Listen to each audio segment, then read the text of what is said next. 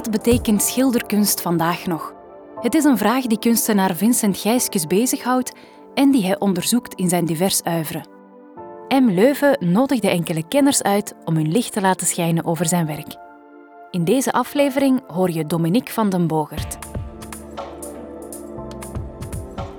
Mijn naam is Dominique van der Bogert. Ik kom uit Amsterdam. Ik schrijf over beeldende kunst voor tentoonstellingscatalogie en kunsttijdschriften voornamelijk. Ik ben ook begeleider van jonge kunstenaars op het Postacademische Instituut De Ateliers in Amsterdam. En nadenkend over waar ik voor het eerst het werk van Vincent Gijskens heb gezien, herinner ik mij de tentoonstelling Trouble Spot Painting, die in 1999 plaatsvond in het Moeka in Antwerpen. Maar ik moet zeggen dat mijn geheugen mij ook kan bedriegen. Want of ik nou die schilderijen als eerste heb gezien of de afbeeldingen in de catalogus, dat weet ik eigenlijk niet meer precies. Ja, goed. Zoals we weten leven we nu in een tijdperk waarin je de meeste kunstwerken voor het eerst uh, leert kennen online via een post op je Instagram, op je mobiele telefoon of wanneer je een website bezoekt van een museum of een galerie. Het komt eigenlijk maar zelden voor dat je schilderijen in het echt tegenkomt, om het zo maar te zeggen. En als je dan in het atelier bent, dan ervaar je pas werkelijk wat die werken zijn. Je krijgt toch een heel andere indruk dan dat je die had van een computerscherm. Zijn atelier is onder zijn woonhuis. Het is eigenlijk een kelder, een souterrain. En uh, ja, als je daar dan bent, dan staan die schilderijen in rijen dik tegen de muur gestapeld. Of uh, ze staan te drogen in een hoek van het atelier. Of één hangt er aan de muur. Het schilderij waar de kunstenaar op dat moment nog mee bezig is. En als hij dan zijn werk toont aan mij, bezoeker van op het atelier dan zie je dat enorme geslepen gedoe met schilderijen die opzij gezet moeten worden, die loodzwaar zijn om te tillen, die je niet op je eentje kan ophangen. Het ruikt naar olieverf, het ruikt naar terpentijn. Je schoenzolen plakken aan de vloer omdat overal verf is gemorst. En dan merk je dat het schilderen echt een fysieke bezigheid is, een lichamelijke bezigheid is. En dat klinkt misschien heel ouderwets en heel anachronistisch, maar dat is wel de kern waar het in het werk van Vincent Gijskens volgens mij om draait. Even terugkomend op, wat waren dan die twee schilderijen die ik zag van Vincent uh, op die tentoonstelling van meer dan twintig jaar geleden? Dat waren twee portretten. Eentje heette Sylvia uit 98, als ik me goed herinner, en de andere heette Zelfportret. Van een jaar later was dat. Ik denk dat hij dat portret van die Sylvia gebaseerd heeft op een pornografische foto. De pornografie is een theater van stereotypen. Er zijn geen echte mensen van vlees en bloed in de weer die je ziet. Dat zijn stereotype mensen die stereotype handelingen verrichten. Op een stereotype manier. Eigenlijk is het helemaal niet de bedoeling dat je daar een persoon in herkent van vlees en bloed. Een persoon met een identiteit en een gemoedstoestand en emoties en al dat soort dingen. Juist dat hoort niet thuis in de pornografie. De beelden die de pornografie verschaft, moeten juist zo vlak mogelijk zijn. Zodat de toeschouwer, de consument zo je wilt, zich daar gemakkelijker mee kan identificeren. Die foto's die Vincent gebruikte, dat waren niet alleen pin-ups en, en, en pornografische afbeeldingen, maar bijvoorbeeld ook foto's uit de politieke propaganda een type beeld wat bedoeld is om de aandacht te trekken, om ons te verleiden, of om ons ergens in te doen geloven, of om ons ergens van te overtuigen. En die dienen een specifiek doel. In feite spreken we over een beeldenstroom die steeds verder toewerkt naar een grotere gelijkvormigheid. Alles gaat steeds meer op elkaar lijken. Je kunt reclamebeelden nog nauwelijks van cinemabeelden of van nieuwsreportages onderscheiden. Ik denk dat dat type beeld een fundamenteel wantrouwen wekte bij Vincent Gijskes. Ik denk dat hij doorgeeft dat het, net als die pornografische afbeelding waar we het over hadden, geen werkelijkheid is, maar een schijnwerkelijkheid is. Een illusie. Een, uh, een beeld waar feitelijk zo geconstrueerd is om ons te verleiden iets te kopen of om ons te verleiden tot wat dan ook en ik heb de indruk dat hij de schilderkunst situeert tegenover die beeldcultuur, tegenover die visuele massamedia. Om aan te geven dat schilderkunst een ander type beeld produceert. Ik moet dan weer terugdenken aan mijn bezoek aan die kelder, aan dat atelier van Vincent, waar mijn schoenen plakten aan de vloer. En ik ook eigenlijk toen realiseerde, ja, dit is een type beeldproductie die volkomen buiten deze tijd staat. Dit is een type beeldproductie die gaat over lichamelijk handelen en die gaat over materialiteit. En dat zijn nou precies de dingen die er in onze huidige informatiemaatschappij eigenlijk helemaal niet meer toe doen. Voor moderne vormen van communicatie is onze lijfelijke aanwezigheid niet eens meer vereist. En dan is het toch een heel raar iets dat een volwassen, respectabele apothekerszoon uit Lier in een plakkerige kelder met verf gaat zitten smeren en vulgaire plaatjes gebruikt om zijn werk eh, te maken. Het uitzinnige daarvan, het onaangepaste daarvan, is iets wat we zouden moeten koesteren. We hebben natuurlijk ook wel gesproken tijdens uh, dat atelierbezoek over een werk uit die serie kaderreeksen dat genoemd was naar Leon de Grel, eh, een bekende Waalse fascistenleider. Die zich gedurende de Tweede Wereldoorlog had gemeld aan het Oostfront en meevocht aan de zijde van de Duitsers. En Vincent vertelde mij ook over wat hem interesseerde in die figuur de Grel. En dan met name wat er over hem was geschreven door Jonathan Little, een onderzoeker, een schrijver, die ik geloof Engels of Amerikaans is, maar het schijnt in België te wonen. En die zich heeft verdiept in de, de geschriften van Leon de Grel, van die fascisten. die er zo wilde overlevering prat op ging dat Hitler hem ooit gezegd zou hebben dat mocht ik ooit een zoon hebben gehad, dan had ik graag gewild dat hij was zoals u. Wat geen groter denkbaar compliment was geweest voor meneer de Grel als dat. In ieder geval, hij schijnt ook door model te hebben gestaan voor een ander Belgisch fenomeen. Tintin, Kuifje. Uh, het uiterlijk van Kuifje schijnt mede geïnspireerd te zijn op foto's van Leon de Grel.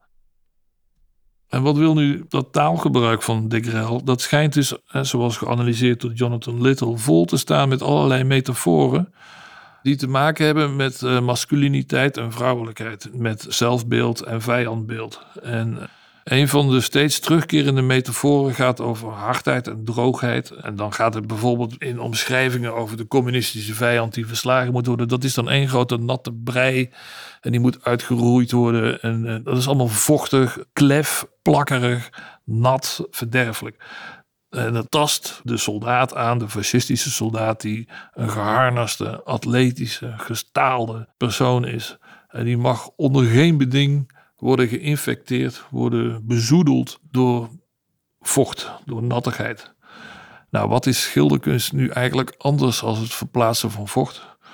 En is het dan niet ironisch dat je zo'n schilderij wat vol zit met vlekken, waarvan je denkt van, hmm, hier is een ongelukje gebeurd, hier heeft iets blauws heeft blijkbaar afgegeven op het schilderij. Wat jammer. Het is helemaal bezoedeld. Is het dan niet ironisch dat juist dat schilderij wordt vernoemd naar Leon de Grel, de man die zo panische angst had voor alles wat maar vrouwelijk zou kunnen zijn? Ik geloof dat hij daar een, uh, satanisch plezier in heeft om daar spelletjes mee te spelen in zijn werk. In het atelier zag ik twee, drie stillevens die uh, net klaar waren en deel uitmaakten van een groep werken waar Vincent Gijskes net mee was begonnen. En mij trof hoe karig en schraal en stuurs en weerbarstig die schilderijen waren. Ze deden me een beetje denken aan uh, schilderkunst uit de jaren 50 van Giacometti bijvoorbeeld. Die uitgebeende voorstellingen. En het verbaasde me natuurlijk ook een beetje dat een schilder anno 2021 nogmaals in die plakkerige kelder uh, op een krukje gaat zitten om te kijken naar een half brood en een theekopje en om daar een schilderij van te maken. Want wat doen we nu eigenlijk wanneer we dus te leven schilderen? Waar kijken we dan naar? Gaat het erover om zo goed mogelijk weer te geven hoe dat potje of hoe dat broodje eruit ziet? Zoals misschien nog in de 17e eeuw het geval was in de Hollandse eh, schilderkunst. Er zijn ook schilders die hebben gezegd van uh, 90% van de tijd heb ik niets gezien. Ik heb wel de hele tijd zitten staren naar al die potjes en bloemetjes en eh, landschappen en schilderijen van gemaakt. Maar daar echt iets zien, weten wat het is, wat zich voor je ogen afspeelt, hoe dat blikveld, hoe het zicht zich organiseert, zich formeert. Dat is op zich zo zeldzaam dat ook de allergrootste kunstenaars die momenten maar heel spaarzaam hebben meegemaakt. Dat is proberen te begrijpen hoe de dingen eruit zien, proberen te schilderen wat je ziet. Dat is helemaal niet leuk. Dat is verschrikkelijk moeilijk.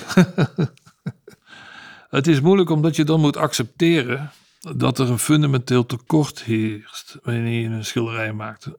Je kunt niet slagen. Je kunt de natuur niet overtreffen. En je kunt de schilderkunst niet in zijn oude glorie herstellen. De tijden zijn veranderd, de technieken zijn veranderd. Vroeger was schilderkunst een taal die iedereen begreep. Wilde je een portret van je geliefde, van je kinderen, van de koning of van de burgemeester, dan was er een schilderij. Nu is dat volkomen verdwenen. Niemand spreekt die taal ook meer. En voor de meeste mensen is het werkelijk een antiquiteit. Ze is niet meer die enig zaligmakende beeldtaal die het tot 150 jaar geleden misschien nog wel was. Het probleem van werkelijk iets zien, hè, dat zeldzame moment waarop je werkelijk iets ziet, om dat te verduidelijken heeft Vincent me gewezen op een anekdote over de schilder Claude Monet, wiens vrouw Camille kwam te overlijden op jonge leeftijd. Ze had bekkenbotkanker, naar men aanneemt. En was al de moeder van Monet's eerste twee kinderen, als ik me niet vergis. In ieder geval, zij overlijdt. Hij, de schilder, houdt de waken naast haar doodsbed. En dan merkt hij dat hij kijkt naar dat gesluierde gezicht van zijn overleden geliefde. En wordt zijn aandacht getrokken door een soort lichtreflectie die hem opvalt. In de oogkassen van zijn dode vrouw ziet hij opeens kleurtjes eh, rondspringen. Op elkaar botsen, gele, grijze, groene en blauwe. Waarvan hij denkt van, hé, hey, dat is eigenaardig. En voordat je het weet, is er zo'n moment van werkelijk zien. Hij is niet langer de weduwenaar die rouwt om zijn dode geliefde. Hij is op dat moment de schilder die iets ziet wat nog nooit iemand eerder heeft gezien. Eigenlijk zou je moeten zeggen, dat is toch wel eigenaardig. Hè? Dat je in staat bent te kijken naar botsende kleurtjes in een schaduw op een sluier. Terwijl het gaat over je pas overleden echtgenoten. Hij schrok zelf van die onthechting. Maar wist natuurlijk, dat is waar schilderkunst over gaat. Hij heeft later ook nog een portret gemaakt van zijn overleden vrouw. Het hangt in het Musée d'Orsay in Parijs. Het is een waanzinnige schilderij. Een en al sluier. Waar achter die waas van schaduwen een soort doodsgezicht, doodsportret nog te onderscheiden is. Het is een schilderij wat Monet waarschijnlijk heel dierbaar was. Hij heeft het in ieder geval zijn hele leven bij zich gehouden. Nooit verkocht. En pas na zijn dood heeft zijn zoon dat werk geautoriseerd als zijnde een schilderij gemaakt door zijn vader. En ja, misschien moeten we dat ook op die manier begrijpen. Om werkelijk te snappen hoe de wereld in elkaar steekt, dat is niet zo eenvoudig. Misschien moeten we ook leven met de gedachte dat daarachter misschien wel helemaal niets is. Dat er achter die pracht en praal die we onszelf eh, creëren, dat we achter die façades die we voortdurend optrekken, dat we achter die beeldschermen die we onophoudelijk vullen met nieuwe beelden, dat daarachter misschien een grote leegte is. Een betekenisloosheid. En ik denk dat veel grote kunstenaars allemaal wel eens een keer een glimp hebben opgevangen van die onstellende leegte die er achter al onze zingevingssystemen schuilt. En misschien is dat voorbeeld van Monet een illustratie van uh, de moeite die het ons ook kost om werkelijk te doorgronden hoe het bestaan in elkaar steekt. Dat is misschien een al te filosofische uitweiding voor zoiets uh, lichamelijks en kliederigs als schilderen, maar uiteindelijk is alle kunst uit op zingeving. Symbolisch gezegd kun je nog zeggen: bestaat niet alle kunst bij de gratie van de angst voor de dood? En is niet elk kunstwerk ingegeven door op zijn minst een poging om iets van die vluchtigheid, om iets van die essentie van ons leven, wat zo voorbij waait, te vatten? Ja, ik denk dat dat werkelijke zien, dat ware zien, in die zin, omdat het zo onmenselijk is, ons ook een beetje schrik aanjaagt. En het ook een gebied is wat we maar liever niet betreden, waar we maar liever omheen lopen. He, want wat is tenslotte leuker als een mooie reclame van een onderbroek die jou het idee geeft dat jij een jonge god bent? Dat is toch veel aantrekkelijker. Ik ben mijn eh, loopbaan begonnen in Amsterdam. Ik maakte deel uit van de krakerscene. We kraakten atelierruimtes in de stad omdat er geen eh, betaalbare ruimtes beschikbaar waren. Er was duidelijk een soort aversie tegen de gevestigde orde, tegen het establishment. Eigenlijk ging je niet je werk tonen op een kunstbeurs. Dat was heulen met de vijand. Dat was ordinair. Dat was not done. Een museum, dat was een instituut, dat moest je mijden. Dat was een mausoleum. Daar werd de kunst het zwijgen opgelegd. Er was een sterk besef dat je vanuit de marge opereerde, vanuit de periferie en dat het centrum verdacht was. En je ziet nu, dat is volkomen omgekeerd in die 25 jaar dat uh, Vincent Gijskes actief is. Nu ben je een complete loser als je niet je werk in het museum hebt hangen. Of meedoet aan een kunstbeurs of je werk bij Christie's uh, geveld wordt. Die veranderingen die zich hebben voltrokken, hebben dat idee van centrum en periferie ook weggenomen. Het is niet meer zo duidelijk te onderscheiden van elkaar. Waardoor de kritiek van wie richt zich tot wie niet altijd meer even helder herkenbaar is. Ik vind wel dat Vincent Gijskes een typisch voorbeeld is van een kunstenaar die zich daar zeer erg van bewust is. Wat het kunstenaarschap betekent, wat het vraagt, welke inzet vereist is.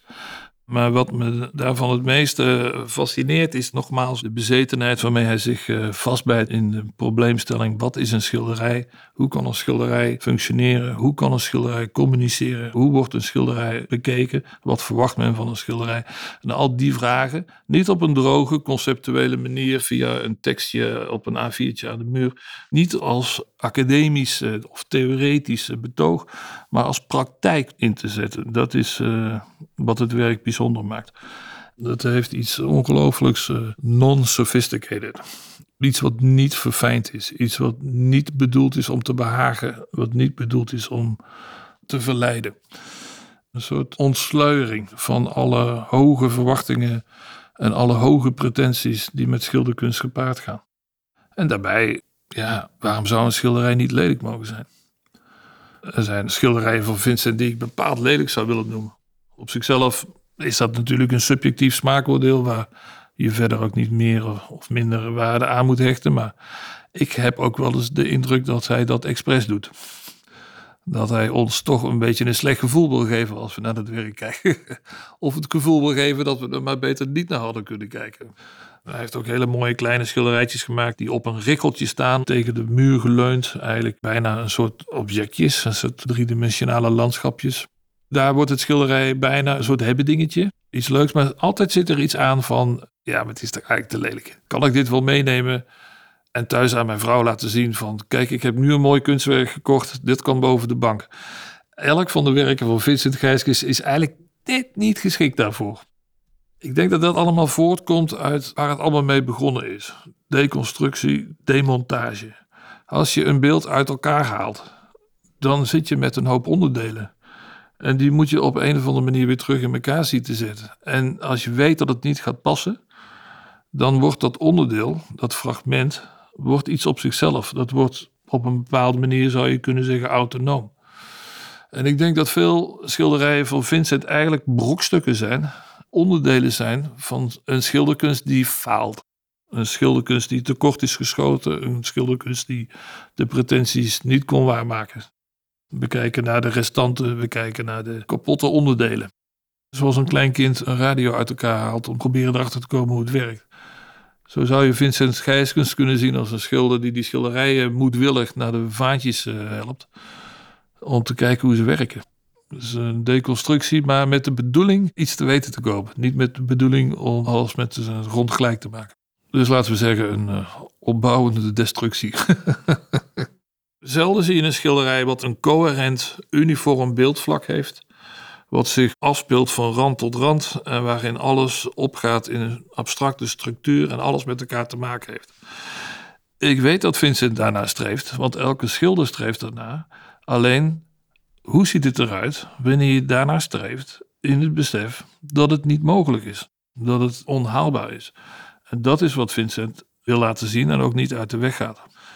En als wij naar een schilderij kijken, feitelijk zien we ook alleen maar een vlekje, een kleurtje, een veegje, wat ribbeltjes. Uh, en wij in gedachten formeren dat tot een beeld, een voorstelling. Het mooie van schilderkunst is natuurlijk ook dat je iets ziet wat. Iemand heeft dat gemaakt omdat het niet bestond. En nu bestaat het er en nou is het aan jou om daar iets mee te doen. Je kunt het uh, veronachtzamen, je kunt er schouder ophalen, daar voorbij lopen, maar je kunt er ook proberen enige zin en betekenis aan te ontlenen. Wij moeten door actief te kijken, te analyseren, te begrijpen, te doorgronden, proberen daar enige zin aan te geven. En dat is een andere taak dan achteroverleunen en je overgeven aan de, de rit in de achtbaan of aan een avondje Netflix of wat ook. Kan ook heel aangenaam zijn trouwens. Daar is natuurlijk die tegenstelling met de passiviteit van het kijken naar televisie. Of de passiviteit van het ondergaan van reclame. En eh, het werk van Vincent Gijske speelt zich af op beide sporen, zo gezegd. Enerzijds wantrouwen ten opzichte van de beeldcultuur, anderzijds argwaan ten opzichte van de pretenties van de schilderkunst. Maar daar onbevreesd de strijd aangaan is natuurlijk te prijzen.